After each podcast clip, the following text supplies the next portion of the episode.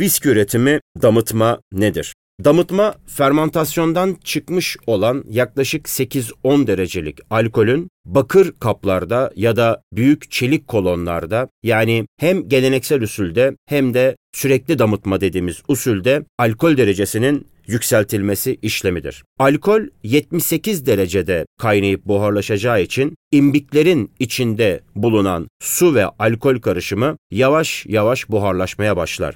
Su zeminde kalır ve alkol yavaşça kaynayarak yükselir, buharlaşır ve en son imbiğin tepesinde yani kuğu boynu dediğimiz bölümde sıvıya dönüşür. En yakın örnek mesela İskoç viskileri iki defa damıtılırken İrlanda'da bu sayı 3 olacaktır. Damıtma miktarı arttıkça alkolün derecesi de yükselir. Ancak unutmamak lazım ki ne kadar çok damıtma yapılırsa aromalar da o kadar daha zayıf olacaktır. Distilasyonda birinci imbikte kaynamaya başlayan yaklaşık 8-10 dereceye sahip ham bira bu damıtmanın sonucunda gene yaklaşık 25 derecelik bir güce ulaşır. Buna düşük şarap adı verilir ve ikinci imbiye geçmeye hazırdır. İkinci imbiye geçtiğinde damıtmanın ilk anlarında alkol çok yüksek olarak hissedilir ve İskoçlar bu alkolü kullanmak istemezler. Bu bir kenara ayrılır. Damıtmanın orta süresinde bizim göbek dediğimiz orijinalde kalp